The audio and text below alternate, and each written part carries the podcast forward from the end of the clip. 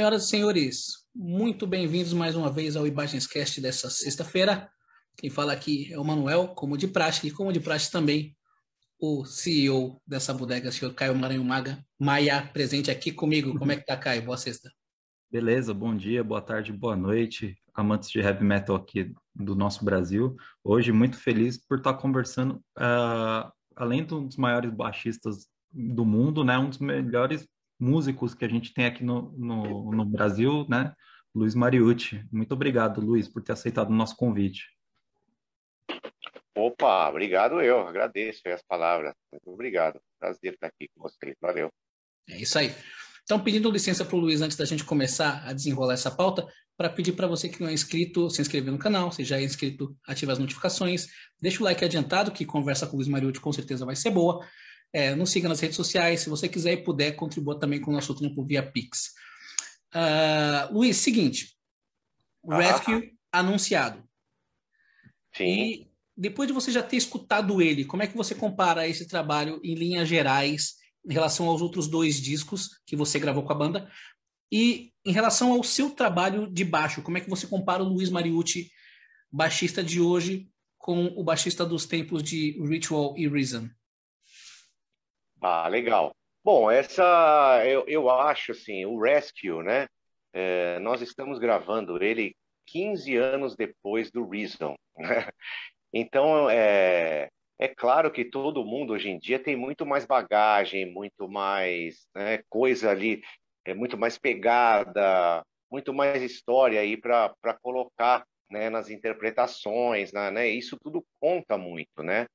Uh, às vezes as pessoas, né, né, quem não toca, né, não tem muito essa noção, mas uh, toda a sua bagagem, né, de vida tal, é, ela conta muito ali na hora de você interpretar o instrumento, né? Então eu acho que está todo mundo muito mais maduro, né?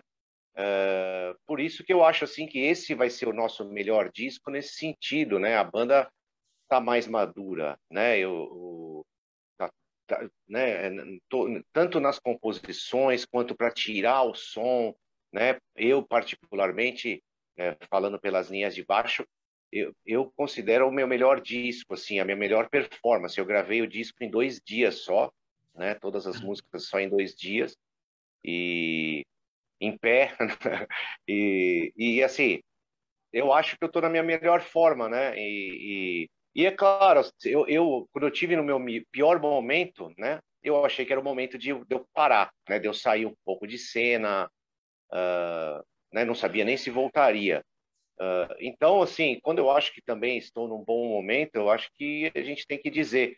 E, e para mim, né, esse vai ser o melhor disco nesse sentido, de, de da gente conseguir colocar a atmosfera dos dois discos, né, nesse nesse disco, né, e, e, e ao mesmo tempo ser um disco, né, que a gente não deixa de homenagear o André, né, no disco, né? Não é na capa, como muita gente está falando aí, que tem um, o André ali na capa, né?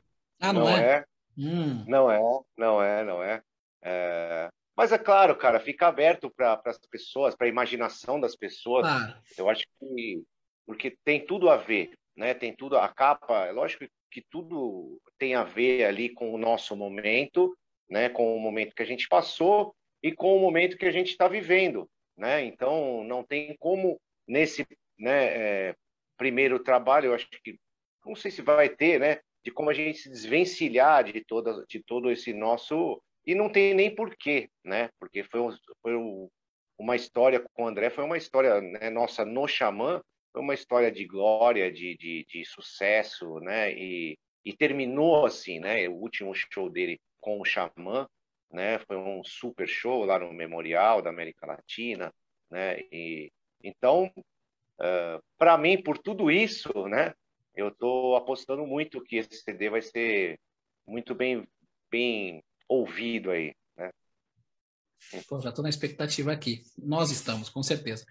Uh, sobre o, o, o, nome Rescue, Aham. rola assim essa teoria de que os, os nomes dos discos, principalmente dessa formação dita como clássica, eles têm essa de, de ter seis letras cada, cada nome, de é. cada nome começar com R. É.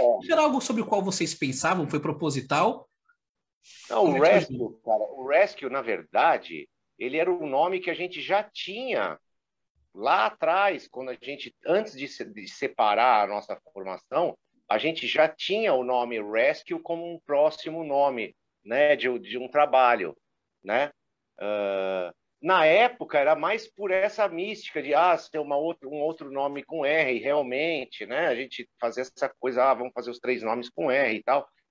Mas hoje, né, em dia, o Rescue ele tem tudo a ver, né? Ele é o primeiro disco da nossa antiga formação, é o resgate dessa formação, né? E, e, da, da, daquela atmosfera que foi formada a banda, né?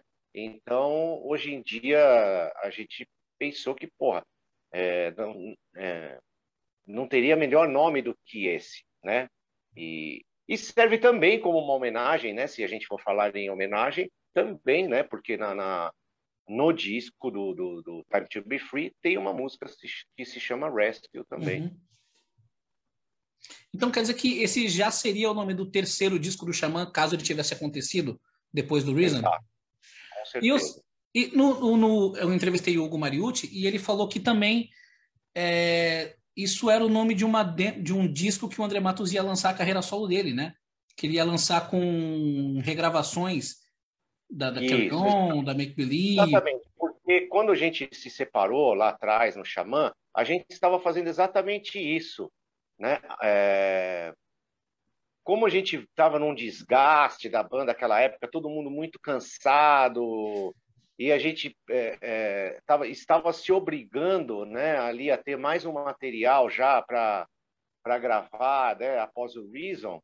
Uhum. Ah, então a gente né, começou a, a, fazer algumas versões né, de músicas e tal. Então essa, essa ideia ela começou no Xamã.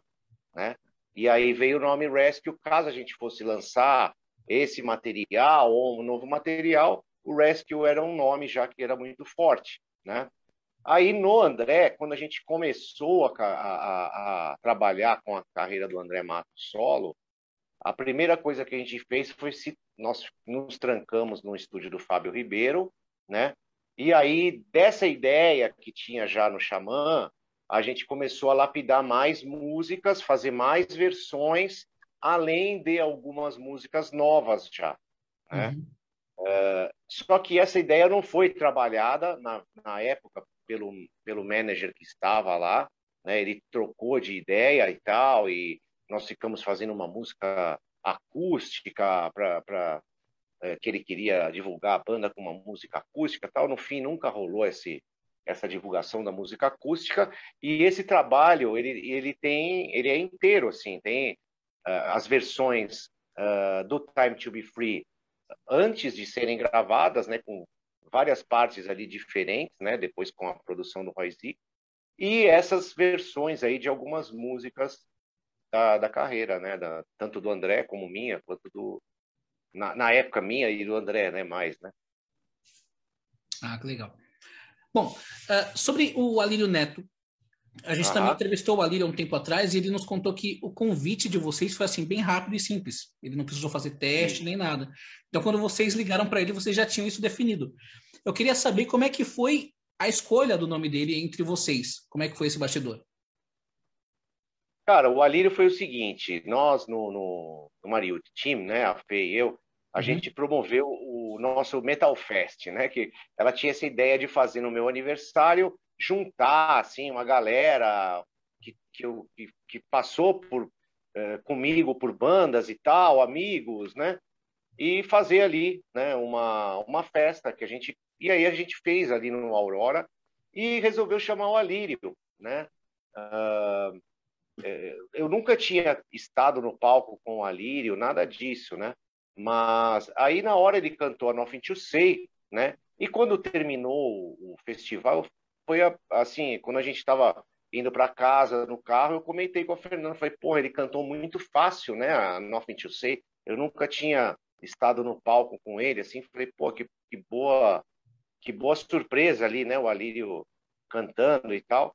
E aí, cara, quando a gente se reuniu alguns meses depois da morte do André para conversar sobre isso, né, sobre o que, que a gente ia fazer, né? E foi o nome que, que eu indiquei, né? Falei, porra, cara, o Alírio, é, eu acho que ele é o cara, é, é o cara, né? Pela bagagem, por tudo que ele é, tem, né, para oferecer para a banda. Né? Não era simplesmente colocar alguém é, para cantar igual ao André. Né? Tem muitos vocalistas que cantam as músicas do André é, até perfeitamente, né? Mas esse não é o caso, né? Porque não é simplesmente você cantar, né? É você entrar numa banda, né? Você ser um frontman, é você compor, é você ter, né? A gente não exige, não exigiu, lógico, que ele tocasse o piano como o André tocava, né? Porque o André tinha uma formação, né, de piano e tudo. Mas ele entrou com a com a, né, com a mentalidade de, porra, vou aprender o máximo que eu conseguir aqui, né? Vou tocar as músicas do meu jeito, mas eu vou tocar. Então isso impressionou, né? A gente curtiu bastante essa essa vibe dele, essa vontade, né? Dele de estar tá... e o respeito, né? O respeito que ele tem por toda a, a, a história, né? Tanto nossa quanto a do André. É, eu também acho que foi uma escolha certeira de vocês, Luiz. Honestamente, não tinha outro nome. Assim, o Brasil tem ótimos cantores, mas eu acho que em termos de talento, tanto de talento quanto de merecimento, o Alírio Neto, ele hoje, na minha opinião, é o maior vocalista de heavy metal que o Brasil tem. Vocês acertaram demais nessa escolha. Ah, legal. Uh, continuando, uma unanimidade, tanto entre os fãs de Xamã quanto entre os fãs de heavy metal no Brasil em geral, é que o Ritual Live é o melhor live já feito por uma banda brasileira em todos os tempos. Assim, é, é inevitável esse assunto e é inevitável a gente chegar a essa conclusão. Vocês pensam em fazer um Rescue Live? Assim, vocês pensam em fazer algo tão grandioso quanto o Ritual Live? Algo que vocês se cobram, caramba, a gente tem que chegar nesse nível de excelência ao vivo novamente? Com certeza, com certeza. O Xamã é uma banda que está sempre pensando assim, né? A gente está sempre querendo fazer melhor, querendo tocar melhor, apesar de sermos já senhores de 50 anos de idade para cima, né? Uh, nós queremos evoluir ainda, pensamos sempre em tocar bem, estar tá em uma boa forma. Uh, e assim, os, né, o carinho que a gente tem com as músicas, com os CDs, vai sempre continuar uh, o nosso padrão, né? O nosso padrão de qualidade vai ser sempre o mesmo. Então, com certeza, se a gente fizer um trabalho nesse sentido de gravar um ao vivo e tal, uh, a gente vai fazer no mesmo nível, né? tentar igualar ali o Ritual Live, ou, né? ou melhorar a produção, não sei. Né?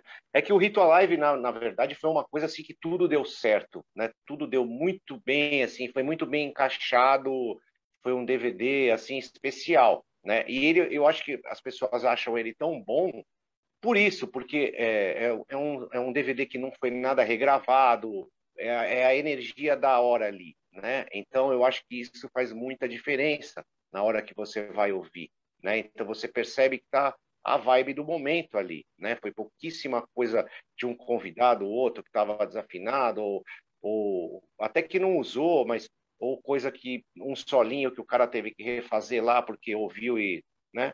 Mas a banda, né, o xamã, né, é, tá ali, né? O dia do show é aquele, né? A gente gravou e deixou, né? Então, é, talvez seja por isso que, que é tão é tão comemorado, né? Esse DVD e tem uma energia tão boa, né? Assim, com certeza. Também tem a questão do set list, né? Juntou um set list matador, juntou a performance de você. Todo mundo, é, tudo, é o que eu falei, tudo deu certo, né? Você vê que não teve uma repetição de música, né? Daquela coisa de, ô oh, pessoal, vamos ter que repetir aqui que deu um erro não sei aonde, né? Nada, nada, nada, nada, nenhuma música foi repetida. É, nem, não, não tivemos problema com nenhuma troca de instrumento, tal, só uma guitarra no final do show lá que por causa da, das mudanças de afinação, no fim, eu acho que o Rode não conseguiu tempo para afinar aquela guitarra e o Sasha entrou com ela desafinada. Mas, assim, é, é, foi um detalhe, assim, sabe, que, que, deu, que deu um probleminha no último minuto ali do show. Mas o resto, né, troca, piano entrando, e Terbach, e Marcos Viana com o violino, nada deu errado. Né? As participações do, do, do Halloween, do Tobias, Então, tudo foi perfeito, né? Então, é, é claro que a gente vai ter que se esmerar muito bem, né? Para fazer do mesmo nível para cima. Né? Isso aí, é, vai, ter que, vai ter que pegar o estúdio para ensaiar um bom tempo, uma semana antes, para chegar lá em cima já voando, né? Uh, uma pergunta que eu tenho, voltando um pouco ao Rescue, né? Como que foi o processo de composição de vocês, né? Devido a esse momento de pandemia é, é, difícil que a gente está vivendo, né? Das pessoas não poderem se encontrar, como vocês uh, trabalharam durante esse processo de composição durante esse período? Uhum. Então, a gente pegou um tempo, né? É, quando todo mundo já estava meio que naquela de, de bem distância, de, de né, bem distanciado ali, com cada um com duas máscaras e tal, a gente falou, ó, vamos fazer, vamos fazer um intensivo aí, né? Todo mundo foi fazer exame e tal, né? Aquela coisa. E aí fizemos um intensivo ali, né? De uns, uns 10 dias, que foi quando a gente conseguiu é, é, juntar as ideias, né? É, dali aquilo foi o mais normal que a gente conseguiu fazer, né? O mais parecido, né, com o que a gente fazia antigamente, né? Porque, claro, com o distanciamento até o, a, a, você estar junto fica diferente, né? Mas aquilo foi o mais próximo que a gente conseguiu fazer do que era. Aí, após isso, a gente ter as músicas já é, meio que o esqueleto de cada uma, né? Algumas mais prontas, com algum arranjo a mais, outras não, né? Aí a gente teve começou o trabalho com o Sasha. Então a gente foi para o estúdio, o Sasha via internet, né? Ali a gente conseguiu é, um equipamento onde ele conseguia monitorar, né, os nossos instrumentos, né, o volume e tal dos nossos instrumentos e, e fazer uma mixinha ali no final do ensaio, tal, né, para ver como é que tinha ficado a música. E aí a gente foi fazendo isso com ele, música por música, né? Então a gente se via lá pelo, pelo computador, tal, ele ia falando com a gente, ó, oh, essa parte, tal, né? O, o, o, processo normal ali da produção que a gente sempre teve com ele. E, e nisso a gente conseguiu terminar as músicas. Aí o Alírio, por estar morando na Espanha, a gente teve essa essa sorte, na verdade, né, dele conseguir ir para para a casa do Sacha, para o estúdio do Sacha, para gravar as vozes, né? Porque o Sacha é, é, achava isso legal, porque ele fazia isso com o André e, e então para ter o mesmo procedimento com o Alírio, né? Então no fim deu certo isso, né? E, e aí já estamos no processo agora de, de recebendo, né? Estamos recebendo as músicas dele já pré-mixadas aí para a gente é, dar aquela alinha, alinhavada final ali. Bacana.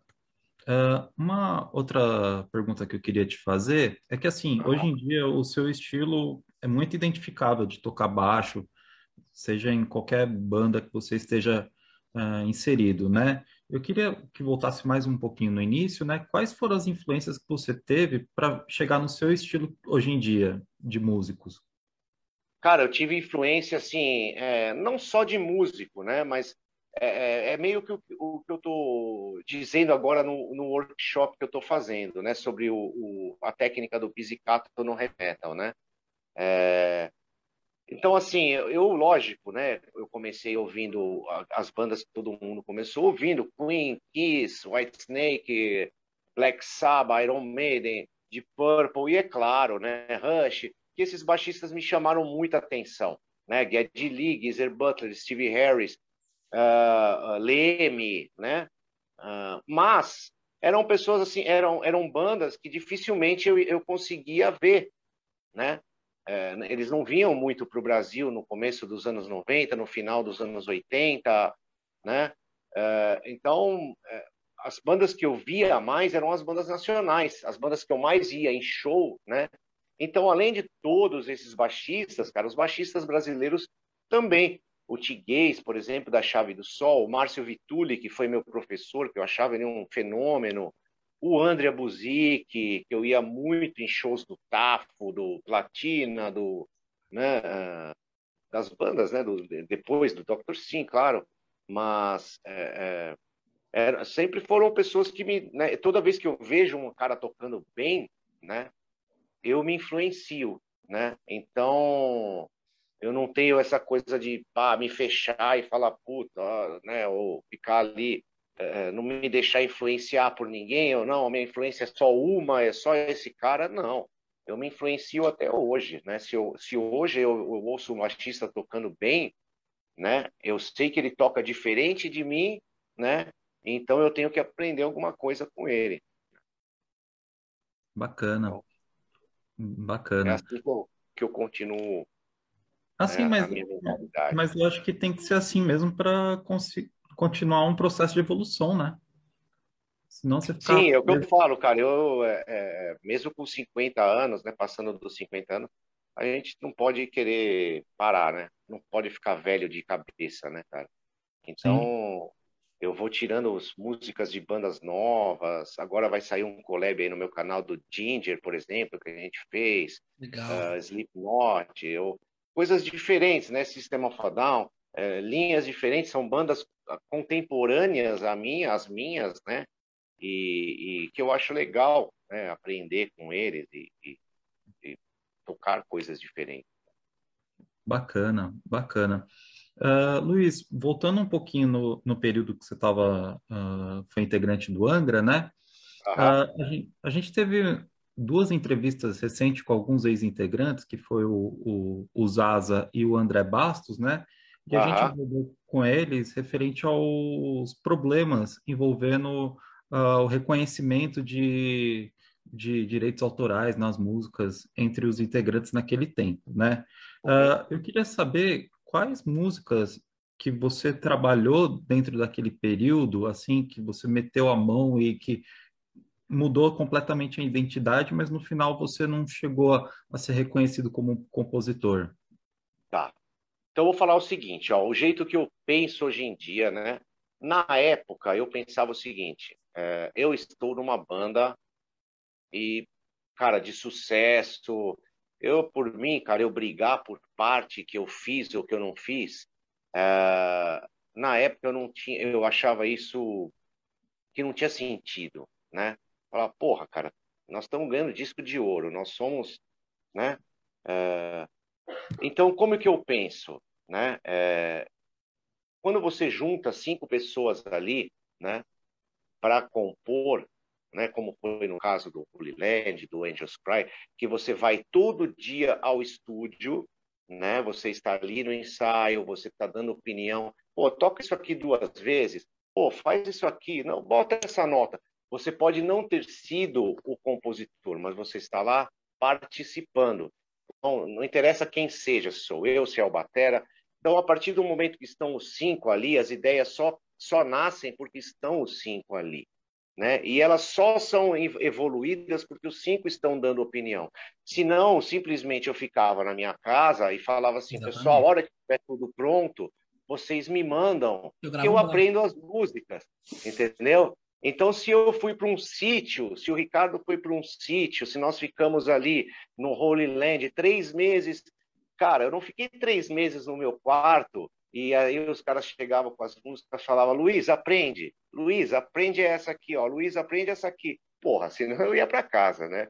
Então, assim, teve muita ideia que começou do Ricardo, de mim, do, da, de a gente fazendo um som, e essa ideia era desenvolvida, né? E geralmente isso não, não dava crédito para mim nem para ele, por exemplo, né?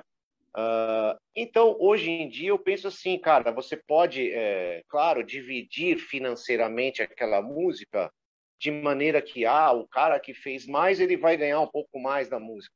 Mas a partir do momento que cinco pessoas estão no estúdio e as cinco estão dando opinião sobre a mesma música e essa música está nascendo, ela não está pronta, né? Os cinco têm que estar ali, né? Hoje em dia eu penso assim, porque eu penso, é porque eu passei um período é, muito ruim, né? E eu hoje em dia, como eu tenho meus filhos e tal, eu vejo isso como uma coisa, como um legado, né? Porque rende financeiramente, né? Na época eu não pensava assim, pensava, porra, eu eu tô no auge, cara. Se a gente fizer outro disco que for foda, for foda, cara, eu vou estar tá sempre ganhando bem, eu não tenho que ficar brigando por merda, né? Mas é, não é todo mundo que pensa assim, né? Então, e, e é claro, na, é, é, na, época eu deixava passar, é o que eu falei, eu falo no meu livro, né? Isso não é uma coisa que, que eu achei legal depois, pensando depois, eu falo, bom, isso é culpa minha, de não me impor né, de não fazer reconhecer a minha parte. Então, uh, por isso que eu falo, eu não posso reclamar disso, né? Eu não tenho uma reclamação, poxa, meu, se tiver, não, né? Já foi, né? Eu deixei passar, mas como eu agiria hoje ou eu ajo hoje em dia é muito diferente, né? O meu, o fato de eu estar lá com você e você falando para mim, cara, como é que eu faço esse riff? Ah, faz assim, coloca mais essa nota, toca ele duas vezes, faz não sei o quê, que geralmente era, era bastante isso que eu fazia. Né? O André, até numa entrevista, ele falou uma vez, falou, porra, cara, eu, não, eu sempre tenho que perguntar as coisas para o Luiz antes de, de terminar e tal, porque era isso, né? Muitas vezes vinham me perguntar do resultado final, né? Ou, ó, oh, o que, que eu faço aqui, faço ali. Ou, por exemplo, vai, no, no próprio Xamã, né? Isso aconteceu no sentido de eu não ligar para as coisas que eu, que eu idealizava, que eu, né? A Born to Be, por exemplo, o André era um final de ensaio e ele estava tocando aquele tema no piano assim, tipo, aleatoriamente, né? E a gente, e todo mundo já tinha ido embora, né? E eu parei, ouvi aquilo, falei, André, esse é o refrão da, da música que está faltando, né? Aí ele olhou assim, com o olho arregalado, falou, é? falei, é, cara toca de novo. Aí tocou de novo, falei, ó, é um refrão, cara, canta em cima, cantou em cima, entendeu? Então eu estava ali com ele participando da música, né, fazendo a música acontecer, né? De repente, ele, se eu não tivesse é, entrado ali batido. e falar, cara, isso aí é um refrão, tinha passado batido, ela não iria ser a Born to Be, né? Então, por isso que eu falo, hoje em dia eu sei, eu, eu sei do valor, né, que eu tenho indo lá participando dos ensaios, dando opinião, uh, seja com parte de música, seja com opinião, né? Seja trocando nota, seja. Então, se, se as pessoas estão lá, estão fazendo tudo isso, cada um tem o seu valor, cada um tem. Mas o, o nome de todos tem que estar na música. É isso que eu quero dizer. O quanto você vai receber não interessa. Aí vocês vão discutir. Realmente, pô, cara, eu fiz a, o cara chegar e falar, ó, eu, por exemplo, a Time Will Come, o Hugo fez a música inteira, chegou com ela cabo a rabo, né? Aí o Ricardo cantou o refrão, né? Por exemplo, o refrão Time Will Come, ele foi cantado pelo Ricardo, a melodia e a letra. Que legal. Né? Mas, não, mas a gente não colocou o nome dele ali, entendeu? Porque no Xamã ainda continuou essa, essa mesma essa herança. Um pouco dessa mesma é, dessa herança de como se dividia uma música. Mas hoje eu acho que, porra, como que não tem o nome do Ricardo? Entendeu? Como que a gente pensava assim, né? É, então é isso, cara, é isso. É, é, são essas coisas que, que, é, né, que as pessoas às vezes não, não, não sabem, né? Como que, que rola e tal dentro de um estúdio, né? E, e, é, é, e todo mundo participa muito, né? A, a própria carreira do André, do André solo né? Tem muito mais músicas dos, dos músicos do que do André, né? Por exemplo, o Mentalize, eu lembro que tem umas quatro músicas do Fábio Ribeiro, mas músicas inteiras, inteiras, baixo, batera, guitarra, é, melodia, teclado, tudo, tudo, tudo. A Endeavor, por exemplo, é inteira do Fábio, uhum. né? É, é, é, então é isso, é, são, são coisas que assim que, que a gente né? Alguns fazem mais questão que os outros, né? Mas que hoje em dia eu acho que é uma coisa que tem que ser pensado de uma maneira diferente, porque isso vem né, de um pensamento antigo, de como era antigamente e tal. Não, eu que cheguei com. Porque muitas vezes o cara chegava com a ideia e ele não deixava ninguém mexer na ideia. Aí é uma outra coisa, né? Mas quando você junta uma banda, como, eu falei, no caso do Holy Land, fica três meses num sítio, né? É, compondo todo mundo ali, né? Eu acho, eu acho, a minha opinião, o nome tem que estar tá lá de todo mundo em todas as músicas. Né? Aí a divisão, a divisão financeira é uma outra conversa. Uh, só para só complementar esse assunto, é sabido, pelo menos eu sei que na, no Angels Cry, por exemplo, a Never Understand, se eu não me engano, foi o, o o André Bastos, que disse que surgiu de uma levada sua no baixo, né? É, então, é, o André Bastos, ele até comentou isso no meu livro, né? Que é, quando a gente fez a primeira, a primeira reunião do Angra, uh, eu tocava na noite, né? Eu já tinha uh, estreado profissionalmente na noite com um amigo, né? E eu tocava com o Arnaldo Ritt, que era um guitarrista. Na verdade, nós éramos um trio. O Carlos, que era um outro guitarrista, o Arnaldo e eu. E a gente fazia um som instrumental, né? E não tinha batera. Então, em muitos momentos, assim, é, é era um som maluco e tal. Eu fazia o quê? Eu fazia umas percussões no baixo, né? Para dar encher, rítmica, né? preencher, exatamente, para dar uma rítmica ali e tal. Uh, então, eu fazia exatamente aquela parada que virou o começo da Never Understand, né? E então, na primeira reunião que a gente teve, né? É, os caras falam, pô, o que, que você toca e tal? Eu, eu toquei aquilo, né? Falei, ó, toco na noite com um amigo tal, tem essa levada aqui. Vocês estão pensando em colocar coisa brasileira, né? Tem essa levada que eu faço aqui de ritmo com baião tal e tal.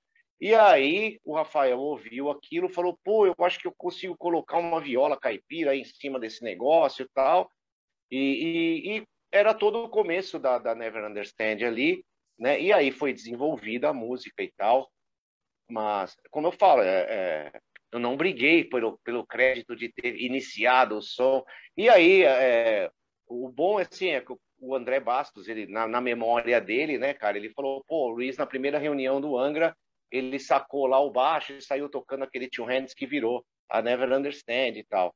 Então é assim, cara, é como eu falei, é... são coisas que, meu, é... você vai acrescentando na banda, né? É que depois as pessoas vêm de fora, né? Do jeito que a gente, que eu deixei passar e tal, aí parece realmente, né? Que o cara fica ali, cara, os caras passam a música para ele, ele vai e só faz o baixo. Mas assim, né? você acha que até que ponto a, a JVC e o Toninho Pirani, a Rock Brigade influenciaram nisso, interviram nessa divisão de direitos autorais mais focada no André Matos? Você acha que rolava isso?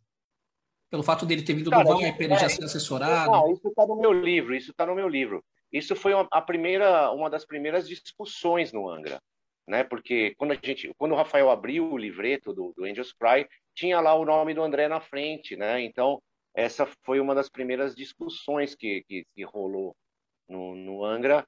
E aí a, a, é, foi explicado né, que o Japão tinha sugerido isso, né, que se botasse o nome na frente. Né? Para ser Essa vendido como a banda do André. Até fazia é, sentido do ponto de vista é, mercadológico.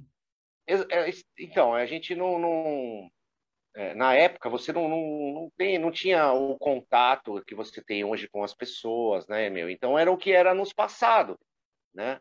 É, então, não sei, às vezes as pessoas, eles têm umas regras lá, uns pensamentos, uns modos de fazer as coisas que de repente eles achavam que isso tinha que ser importante, né? Mas é o que eu falo, cara, quando você tem uma banda legal, música boa, você está fazendo sucesso, cara, eu acho que isso não importa nem um pouco. É isso aí. É... Sobre esse período do Angra ainda, a gente sabe, aliás, fica a recomendação para quem quiser saber mais detalhes a respeito desse período todo do Angra, de comprar o livro do Luiz Mariucci, que ele conta inúmeras histórias, ele assim disseca todo esse período para quem tem interesse na história do Angra e do Luiz. Fica a recomendação, mas a gente vai falar mais um pouquinho sobre isso, de alguns detalhes específicos dessa época. A gente sabe, Luiz, que o André chegou a deixar a banda depois do Holy Land, né? E voltou. Isso. Eu quero saber o seguinte: é, você lembra exatamente como é que foi esse, esse retorno do André? Se foi só por força de contrato? Se a banda teve alguma influência nesse, nesse retorno dele? Cara, é, foi, na verdade, tudo. Porque assim, esse, é, rolou, é, eu conto lá no livro também, rolou de uma puta de uma cagada, assim, na época, né? O clima da banda já tava uma merda. E aí foi feita uma brincadeira que o empresário depois, é, é, não sei por que ele, ele botou um, um fogo ali e passou para o André como se fosse uma coisa séria, né? E, e aí o André falou, então beleza, então eu estou fora. e, e, só que aí houve uma, uma coisa, tipo, eu liguei para o André várias vezes, até o Olivier lá da, da França ligou para o André, todo mundo acho que chegou falar, a falar com o André, né? E, e eu lembro bem que eu falei com ele explicando toda a situação e tudo mais. Falei, André, é, o clima pode estar uma merda, mas realmente não era uma coisa séria, né? Foi uma, uma brincadeira que acabou perdendo uma brincadeira ridícula, na verdade, que acabou né, fora de, de, de né, meu, que não era para ser feita naquela época. E muito né? mau gosto. É, cara, assim. E, e, só que o empresário ele sabia que era uma brincadeira, só que no fim eu não sei por quê, cara. Ele acabou passando pro André como uma coisa séria. E aí o André falou que ia sair. E aí a gente falou, puta, agora fudeu, né?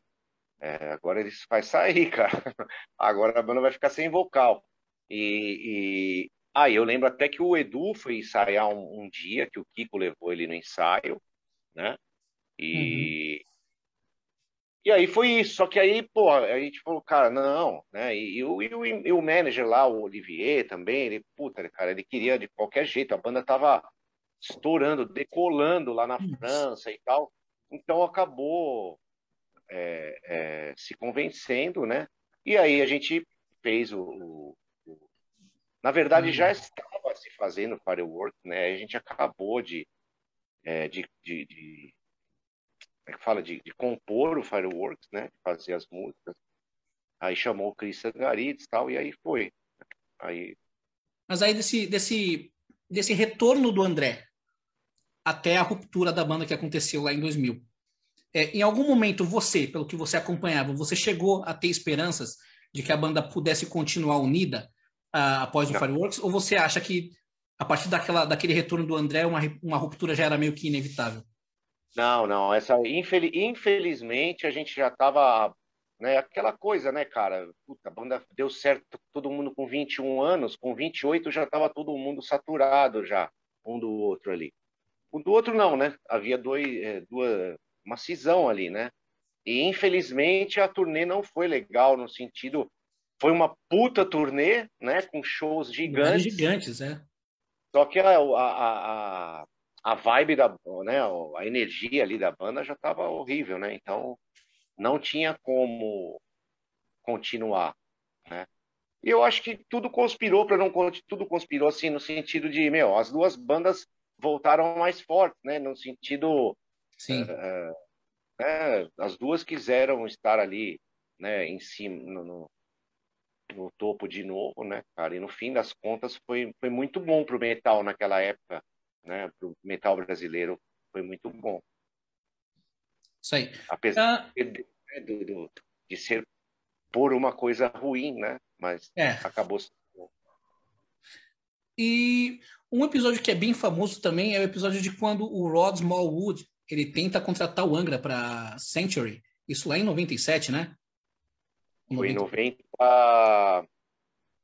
É, foi logo na turnê, né? É, foi na turnê do que o Angra abriu para o Virgin Steel. Isso. Foi no, e...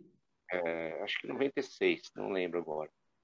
Mas foi, eu me lembro que a gente fez um show em Hamburgo, né? No, no Market Halle, uma casa em Hamburgo. E aí no é, é na Alemanha, né, o Angra não era uma banda grande, né, e, e, o alemão era um, era um público muito difícil de você uhum. conquistar, né, uh, eles curtem, né, as bandas mais do estilo realmente, né, do Halloween, do, do Stratovarius e tal, uh, ou, ou, as extremas, né, Sepultura lá era gigante, mas o Angra na Alemanha ele estava começando, né, e esse show no Market Hall ele, tá, ele era um show que estava cheio, né, e, e, a gente fez um belo show, assim, um puta show, né, do, do, do, do Holy Land. E eu me lembro que o público ficou batendo palmas, assim, um tempão, e a gente era a banda de abertura, né? e, e pedindo bis, né? E aí todo mundo falou, caralho, cara, aqui na Alemanha é muito difícil acontecer isso, tal. E aí isso foi uma, uma, uma, uma puta impressão boa para o cara que, que tinha ido lá da Santuário na Inglaterra para lá para ver o nosso show, né? Para conversar sobre a possibilidade da banda entrar para Santuário, né? Para a empresa do Iron Maiden. Mas é o que eu falei, cara, aquela época a gente não tinha o, o, o contato que tem agora, né, cara? A gente não conseguia, então é, o que aconteceu é que depois foi passado que, ó, não valia a pena e tal, a conversa acabou e não sei o que. Então a gente não tinha como ficar ligando para a Inglaterra para saber ou fazer reunião com a banda ou, né, era uma coisa porque assim, você vai vai ficando sabendo das coisas, né? Então a conversa deles com o manager, né, no fim das contas, é, é, acabou, acabou que não, não rolou um, um acerto, né? Isso aí. E, assim, é, desse período que o André retornou para a banda, porque ele sai por conta própria. Então, o que, que mudou nesse período do retorno dele até a ruptura para que você e o Ricardo se juntassem ao André nessa decisão de deixar o Angra e quão difícil foi tomar essa decisão? Cara, assim, eu sempre fui, eu, fui um cara que sempre me dei bem com todos da banda, né? Mas a partir do momento que a gente viu que tinha alguma coisa né, é, é, é, errada ali, né? Eu com um bom ariano, cara, eu já explodo, já quero, pum, mudar de, para mim tem que mudar, né? E e para o Ricardo e para o André também, né? O Rafael e o Kiko, eles pre preferiram ser mais cautelosos na época e tal, porque tinha a questão do nome e não sei o quê, né? E pô, vamos começar do zero e não sei o quê. Então, foi uma coisa natural, assim, cara. Natural, assim, não natural, mas foi uma coisa assim. Eles tinham aquela cabeça mais, né? É... Conservadora, no caso. Ah, vamos, vamos, né? Vamos tentar aqui de uma, de uma outra maneira. E eu e o André e o Kiko, a gente já chutou o balde. Gente, eu, perdão, eu, e, o, Ricardo. e o Ricardo, a gente o balde. Né? E falou, não, cara, vamos, vamos montar uma banda e vamos fazer as coisas por nós mesmos que é o que aconteceu no Xamã. Era uma empresa onde os quatro eram sócios, né? E a gente tinha o, o management, por exemplo, do, do Barão, primeiro, por exemplo, que era mais voltado para a turnê, né? Quem tomava as, as decisões, quem tinha o contato com as gravadoras, que foi atrás e tudo mais, foi a banda, né? Entendi. Uh, uh, falando sobre o Xamã, a Fairy Tale, ela foi composta ainda no Angra, né? Foi. Você lembra de quando ela foi rejeitada para o Fireworks? Sim. E você imaginava que ela tivesse esse potencial de hit que ela mostrou possuir no Xamã? Eu lembro. Cara, o, o, o refrão dela era, já era o, mais ou menos o mesmo. O negócio é que, na época que o André fez a Fairy Tale, né, essa música, por exemplo, foi uma música que o André apresentou ela inteira. Né? Uh, uh, então, a época que ele fez no Fireworks, cara, ele fez de uma maneira uh, característica da época. Então, ele fez a letra, o até o sotaque, ele fez é, é, uma coisa antiga, né?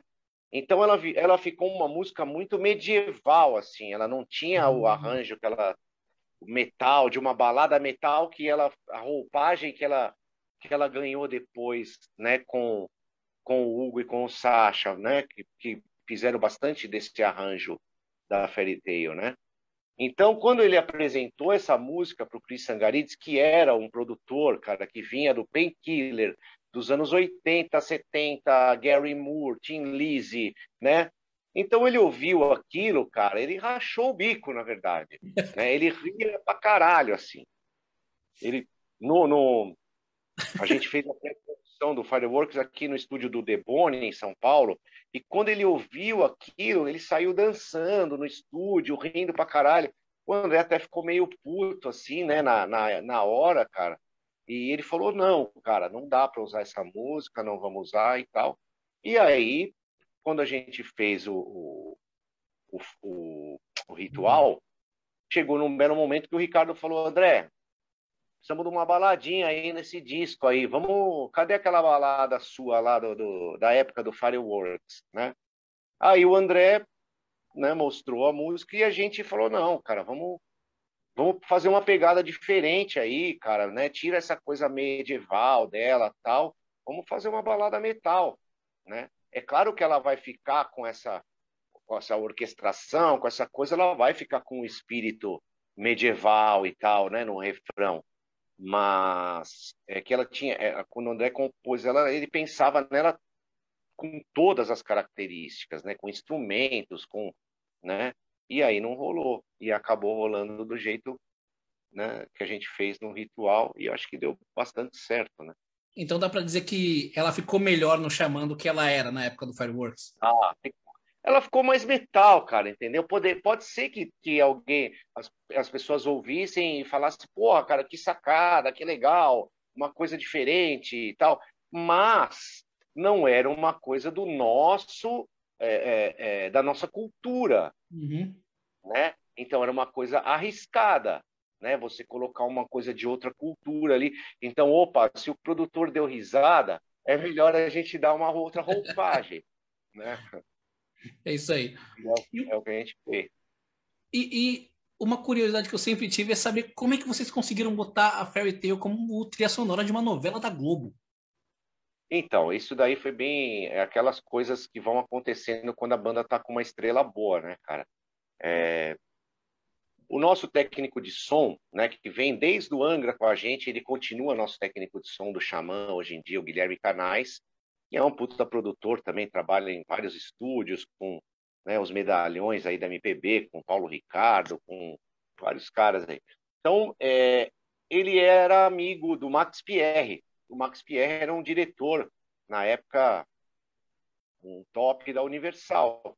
Né? Acho que ele era o vice-presidente, eu não lembro agora se era só diretor. Bom, e aí, cara, eles estavam conversando e o Max Pierre falou, cara, vai entrar uma, uma novela aí de uma do Tarcísio Meira, com o Tarcísio Meira, de, de vampiro tal, cara, eu tô maluco aqui que eu não consigo achar uma música para essa novela na hora que o cara entra ali de vampiro e não sei o quê. Aí o Canais, cara, tava com o disco na mão, né? Falou, velho, ouve, ouve, essa banda aqui então, ouve essa música aqui. E aí ele botou em primeiro na Fairy Tail. Aí o cara pirou, falou, puta, cara, achei a música da novela, né? para colocar ali naquele, naquele, né, naquele trecho ali da novela. E aí foi, cara. E aí a gente fechou com a Universal, né? E, e, e aí a música entrou na novela. E eu acho que vão reprisar aí logo mais. É, Sim, vai, vai reprisar no canal Viva. Ah, então é. Foi, foi um estudo tão grande, cara, que eu lembro na época que muita gente não chamava a música de Fairy Tail, né? Chamava de música do Boris, que era o é. tema do, do, personagem da novela, é, né? É, é, exatamente, é, é isso. Cara, é, ajudou bastante, assim, né? É, a, a, a divulgar a banda, né? Os nossos fãs sempre foram os fãs do metal, né? Mas ajudou muito a, a rebanhar pessoas que não conheciam o metal e se interessaram pelo metal é, a partir daí. Né? Então eu acho isso legal. É, o Hugo, Hugo, quando eu entrevistei ele, ele chegou a contar o episódio de quando vocês foram no Altas Horas, que aí o Serginho anunciou chamar, todo mundo ok, olhou meio assim estranho, quem, é esses caras? quem são esses caras? Quando o André começa a tocar o piano da música, todo mundo, ó, oh! e reconheceu é, a música, né? Exatamente, exatamente. É isso mesmo. Que legal. Bom, vamos lá. É, Luiz, há, há, alguns anos atrás, o Felipe Andreoli, ele nos deu uma entrevista, ele já deu várias entrevistas para a gente, mas acho que na primeira das entrevistas que ele, que ele nos deu, ele disse que para todo mundo que toca power metal no Brasil, existe um antes e depois do Luiz Mariucci, em termos de você ser uma referência. Então, gostaria de saber se você conhece o trabalho do Felipe, chegou a escutar os, os trabalhos que ele fez no Angra, e o que você acha dele como baixista. Ah, cara, ele é muito bom, assim, né? Só por ele ele ter entrado no Angra e, e né, e, e, sem dúvida nenhuma, né, é, já mostra o quanto que ele ia, iria decolar, né?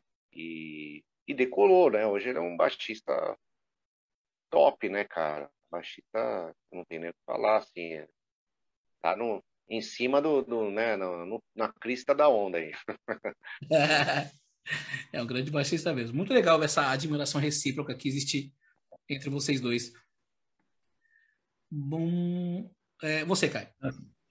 Uh, Luiz, uh, sempre que eu, eu, lembro de você, né, principalmente vendo a capa do, do Holy Live e, e, dos shows, né, que você fez, né, que eu pude acompanhar, você sempre usou os baixos da Music Man, né? E recentemente uhum. você fez a mudança para e passou a usar os baixos da X Vector, né? Inclusive agora você tendo um modelo Signature.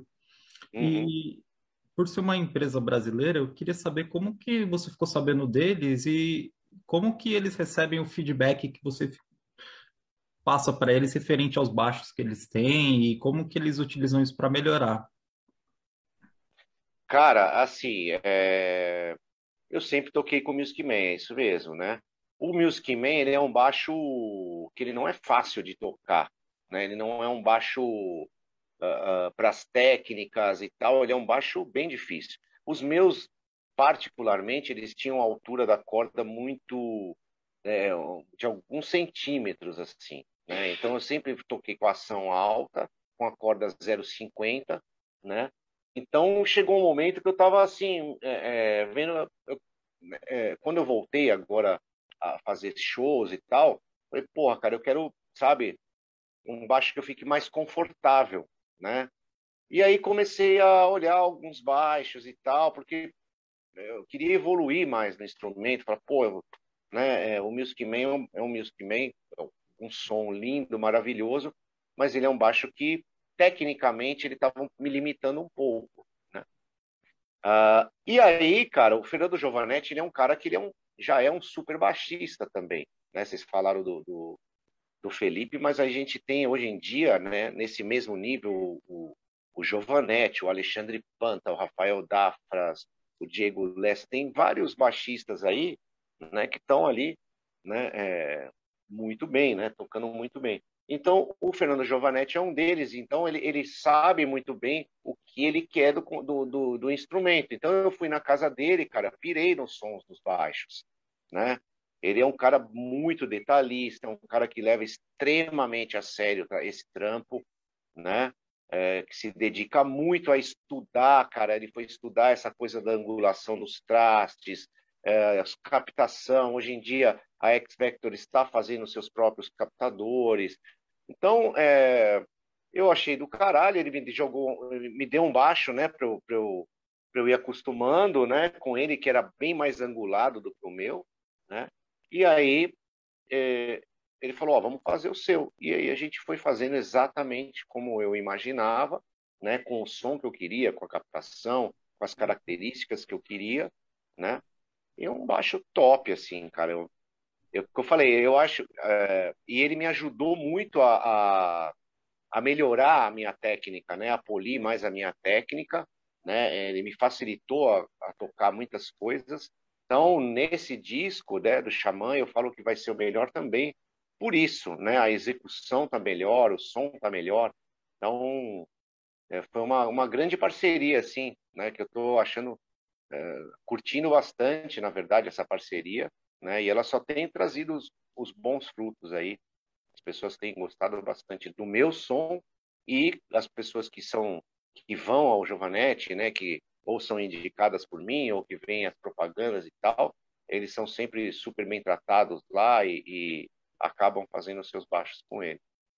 Bacana. Tá, uma outra dúvida que eu tenho, porque assim, uh, quando eu vi projeto de multiscala, eu não, nunca pensei muito em baixo, especificamente, porque eu toco guitarra, né? Então eu sempre via guitarra multiscala e tudo mais. Uh, nos baixos, uh, qual, você teve alguma dificuldade de adaptação ou foi imediato? Cara, é lógico, né? Você é aquela coisa, é, é um instrumento novo, né?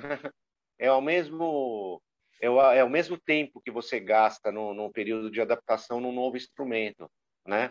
Um instrumento nunca é igual ao outro, então acaba sendo isso, né? Esse mesmo período de adaptação que você tem para um, um instrumento normal, normal, né? Ou no mesmo padrão que o seu, né? Foi o tempo que eu precisei para para me acostumar, né? Com essa com esse novo essa nova né? Essa coisa das escalas, né? Nova anatomia, né? Exato, exatamente. Bacana. Uh, indo um pouquinho para uh, para a parte pessoal, né, que também influencia na sua carreira, é referente à sua prática de Muay Thai, né? Uhum. E assim, eu queria saber como que as artes marciais, né, o Muay Thai mais especificamente, ajudaram e como eles te ajudam hoje em dia na sua carreira musical para você se preparar, tanto fisicamente quanto mentalmente, para aguentar, por exemplo, show, turnê e tudo mais. Sim, sim. Cara, o Muay, Muay Thai, é, é, é, em vários momentos da minha vida, ele foi fundamental. Eu, eu, é uma arte, uma arte não, ele é uma luta, né? Ele é uma luta que vem de uma arte marcial tailandesa e eu comecei a praticar com 17 anos de idade e nunca parei, né? Uh, e assim, claro, para o heavy metal, que é um estilo que exige do seu corpo, né? Quanto melhor você tiver fisicamente em cima do palco, isso vai, vai te ajudar, né? Não tenha dúvida, né? É, no começo, quando eu comecei a treinar, falavam, meu, você vai machucar sua mão, seu dedo vai ficar duro, né? Vai... Nada, cara, nunca tive problema nenhum, assim. É, na verdade, o problema que eu tinha é, é furar o tímpano, furei o tímpano com, com um chute, mas é, na mão, assim, eu nunca tive problema. Uh, então, assim, no momento, cara, o, ele foi mais importante na minha vida, no momento, assim, nós casamos, eu e a Fernanda, há 17 anos, e 18 anos, perdão, e aí a gente começou a, e ela começou a treinar junto comigo, né? Ela já vinha de outras lutas, ela já tinha treinado jiu-jitsu, campeã de judô, então ela foi treinar Muay Thai junto comigo. E aí, uh, quando a gente depois de uns 10 anos, quando eu parei, quando eu parei de tocar, né, quando eu saí da banda do André, uh, a gente uh, fixou, né, no Muay Thai, ó, vamos, gente já estava graduado como instrutor, né, então a gente falou, vamos nos especializar, montar o nosso time e vamos, né, vamos viver pra, é, de, do Muay Thai, né? Porque naquela época já não ganhava mais nada da música, né? De direitos, de porra nenhuma. Então a gente começou do zero, né? É, então eu vendi para a gente se especializar. Os últimos instrumentos que eu tinha, eu acabei vendendo para a gente conseguir botar um mestre tailandês dentro da nossa casa com a esposa dele, dando três treinos para a gente por dia, né? a gente treinando sete horas por dia e tal, para a gente se especializar, né? Inclusive lutar, né? Eu ainda fiz várias lutas perto ali dos 40 anos de idade, uh, a Fernanda também. Uh, logo quando a Lorena nasceu, a Fernanda foi, foi fazer campeonato, foi lutar campeonato e tudo mais. Então esse foi um período que uniu bastante a gente, né? Que me ajudou a, a conseguir sair de uma, de uma época muito difícil, né? E, e que a gente, na verdade, não ganhou dinheiro, mas a gente só tem a agradecer a esse período, porque a nossa família ficou muito unida, né? A gente, as crianças iam para o tatame com a gente com um ano de idade, com seis meses, na cadeirinha, a gente levava um quadrado para eles ficarem, né? Então foi um período assim, cara, foi um período que a gente ralou para caralho, né? A gente dava aula de Muay Thai das seis e meia da manhã às onze da noite, né? E quem, quem dá aula de Muay Thai, quem, quem segura aparador, sabe como é, né? Você, como você fica no fim de um dia de treino, né? Uh, então foi isso, cara. Então ajudou muito nesse sentido, da gente ter a raça, da gente ter né, a vontade, da gente nunca desistir, né? E, e, e conseguir se recuperar de um, de, um, né, de um período que realmente foi um período muito ruim é, em alguns aspectos da nossa vida. Entendi, bacana. É, e recentemente você escreveu o livro Memórias dos Meus 50 Anos. Eu queria saber como surgiu a ideia para escrever esse material e quais foram as dificuldades encontradas durante esse processo para uh, entrevista, coletar material e tudo mais? Então, o, o, o livro vem dessa coisa de, de né, desde que, que, gente, que, nós casamos, eu conto as minhas histórias para Fernanda, né? E chegou um belo momento que ela falou: Meu, para de contar para mim, vamos escrever um livro, né? É, vamos escrever um livro sobre a sua vida e tal. E aí, como eu né, estava é, é, perto dos 50 anos, ela falou: Ó, vamos, vamos fazer assim, vamos escrever e você vai lançar esse livro é, como né, no, no seu aniversário de 50 anos. E aí, cara, quando a gente montou o canal, que a gente começou a fazer as lives e tudo mais, nós conhecemos é, é o casal da, da, da, editora aleatória, o Plínio e a Paula, que eles falaram, pô, vocês têm essa vontade de fazer o livro, a gente pode fazer uma parceria aí, né? A gente pode ajudar vocês, porque a gente não tinha a menor noção, né, de como fazer. Uh, e aí eles entraram de parceiros nossos, né? Começamos a escrever o livro e tal. A principal, eu acho que principal não a parte ruim, não, não a parte ruim, mas a coisa mais pesada é realmente você é, é, voltar nas coisas ruins, né, que aconteceram, porque elas têm que ser ditas, né, e têm que ser ditas da, da maneira, né, como foi, né? Então é, nisso foi foi muito bom a Fernanda escrever o livro, né, comigo, porque ela me entrevistava, só que não é que ela me entrevistava, ela ia falando comigo e puxando as emoções e muita gente, muitas vezes a gente discutiu, muitas vezes a gente, sabe, ficou tenso demais, ela chorou, ou eu fiquei mal, ou, sabe, muita gente a gente riu pra caralho junto. Então hum. isso foi muito bom, né? Porque ela não teve dó, né? De, de, de ir naquela do sentimento. O que, que você estava sentindo na época? Como é que você viu isso na época? Então, é, foi muito legal, assim, mas foi muito, né? Teve uma, uma, uma, uma, parte bem tensa disso, né? De você relembrar coisas que você não, não se deu bem, ou erros seus, né? Ou, ou falar das suas merdas, das suas cagadas e, e tal. Então, tudo isso foi a parte que pegou pesado. O, o, o, a satisfação, na verdade, disso no final é como, como você próprio citou, né, lá atrás o, o comentário do André Bastos, né, que corroborou exatamente com a história, né? Então, sem querer, a gente pediu né, depoimentos de, de muita gente, né? E esses eh, depoimentos acabaram, eh, tipo, endossando né, a minha, minha memória ali daquela, daquela, daquele fato ou daquela história, né? Daquele, daquela ocasião ali. Então, isso foi, foi muito legal de ver que eu estava com uma memória é, é, boa e que não. Não, né, não claro, não, nada.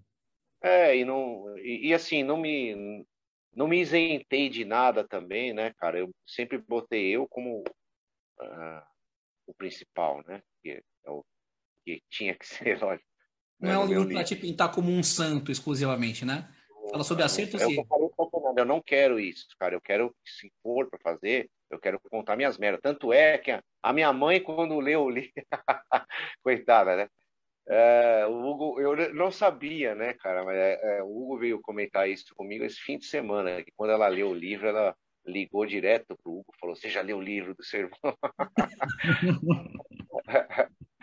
é, então, eu, então é, para mim vale que, que realmente eu, eu né, quando você envergonha a mãe, então é que, que eu realmente eu expus ali toda a minha vida e tal. eu não deixei nada nada fora aí. Bacana. Uh, uma outra pergunta, indo um pouquinho mais para frente, né, na criação da, da banda do solo do André, uhum. assim, mesmo com bons discos, você participou, o Time to Be Free, Mental Lies, são dois ótimos discos, né, pelo menos na minha opinião, uhum. né? A banda não teve o mesmo reconhecimento na época do Xamã. E eu queria saber quais as suas opiniões, por que que isso não aconteceu, mesmo com esses trabalhos tendo uma boa qualidade? Cara, eu dou muitos detalhes disso no livro, mas no geral, tá?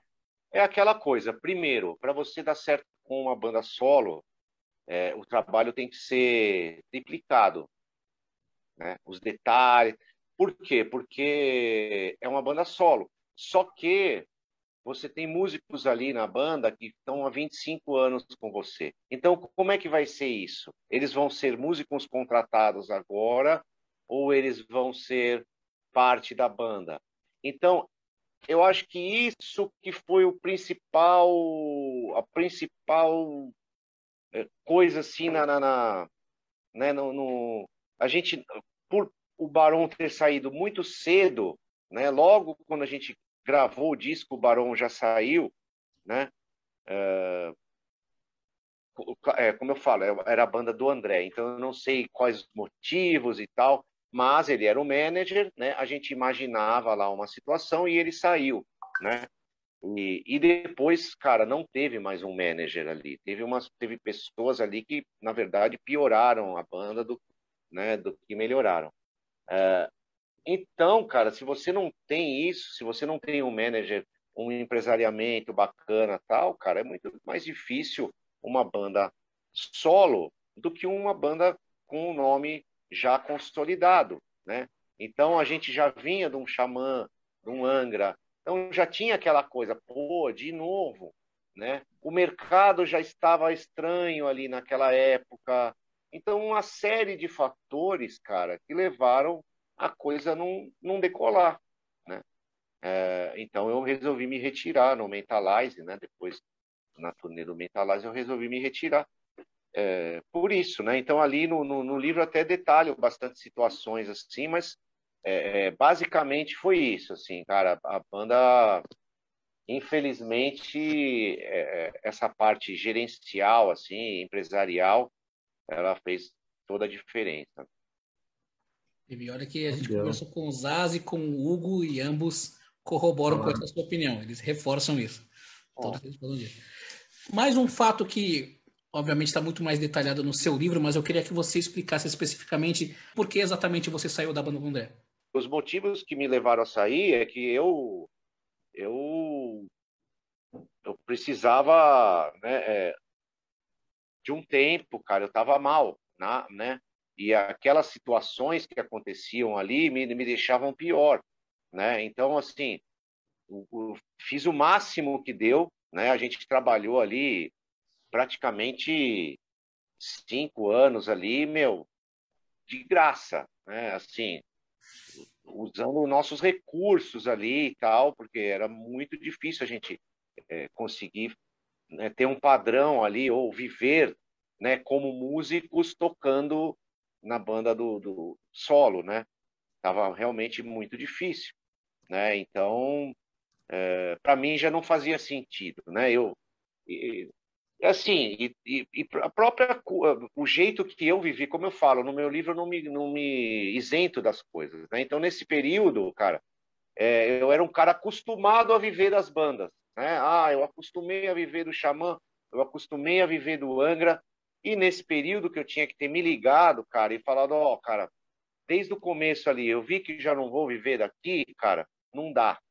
Então, eu tinha que ter retirado as minhas coisas antes, saído antes, né?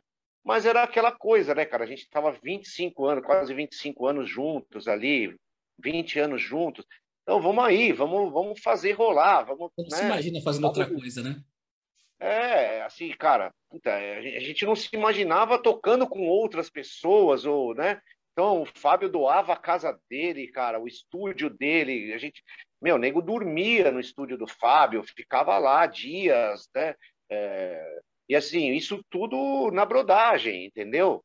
Né? Isso tudo a banda se doando, o Fábio doando o estúdio dele, doando é, tudo, cara, entendeu? Então, é, só que chegou um momento que não deu mais, né? É que infelizmente é, é, o, o modo que a gente veio acostumado a viver, cara, e, e trabalhar, porque assim, a gente estava lá com o André, ah, era carreira solo, mas como o próprio André dizia, a banda trabalhava como banda.